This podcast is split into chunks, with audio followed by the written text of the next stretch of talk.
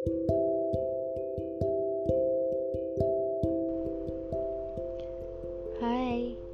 kembali lagi di podcast cerita hari ini. Ini adalah podcast ketujuh saya setelah sekian lama saya vakum dari podcast terakhir saya. Oke, um, kali ini saya bakal mulai dari pertanyaan.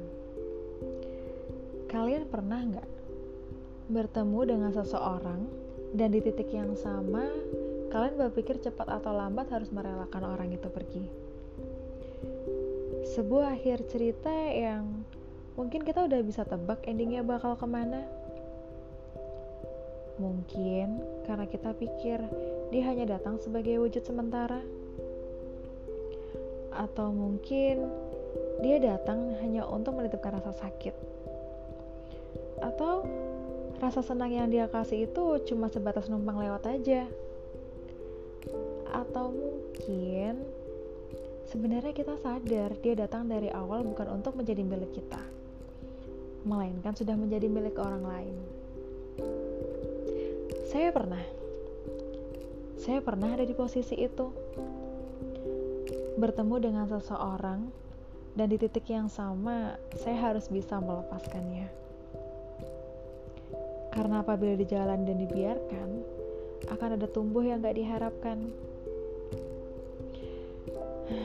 Tapi untuk sekejap saja, saya memilih untuk pura-pura nggak tahu. Menikmati ritme yang ada sambil menghitung bom waktu yang nggak tahu kapan akan meledaknya. Ya, memang. Untuk sebagian manusia, kadang sebenarnya kita tahu mengenai ketidakbaikan suatu hal.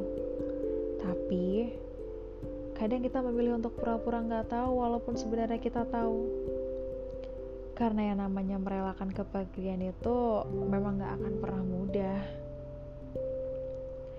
Dan untuk sebentar saja, kita memilih bertahan pada titik ini karena merasa gak bisa melepaskan. Tapi sebenarnya bukan gak bisa, melainkan gak mau. Seakan-akan rasa sakit itu adalah candu. Hmm, sebentar, bukan-bukan bukan rasa sakit. Menganggap ini semua adalah kebahagiaan, walaupun kita tahu itu cuma sementara. Jadi, kalau dipikir-pikir, sebenarnya ya, untuk apa memperpanjang bahagia kalau tujuannya hanya untuk menunda sedih? Untuk sejenak saja kita egois pada keadaan. Itu salah satu yang pernah saya tanyakan pada diri saya sebelum pada akhirnya um, saya memberanikan diri untuk mengambil suatu keputusan besar yang merubah jalan saya saat ini. Waktu demi waktu terus berjalan. Banyak hal yang kita laluin, tapi sebenarnya kita nggak ke mana-mana.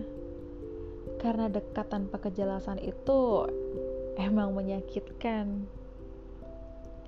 Tapi kita nggak bisa memaksakan keadaan, karena bukan ketulusan lagi namanya kalau dipaksa.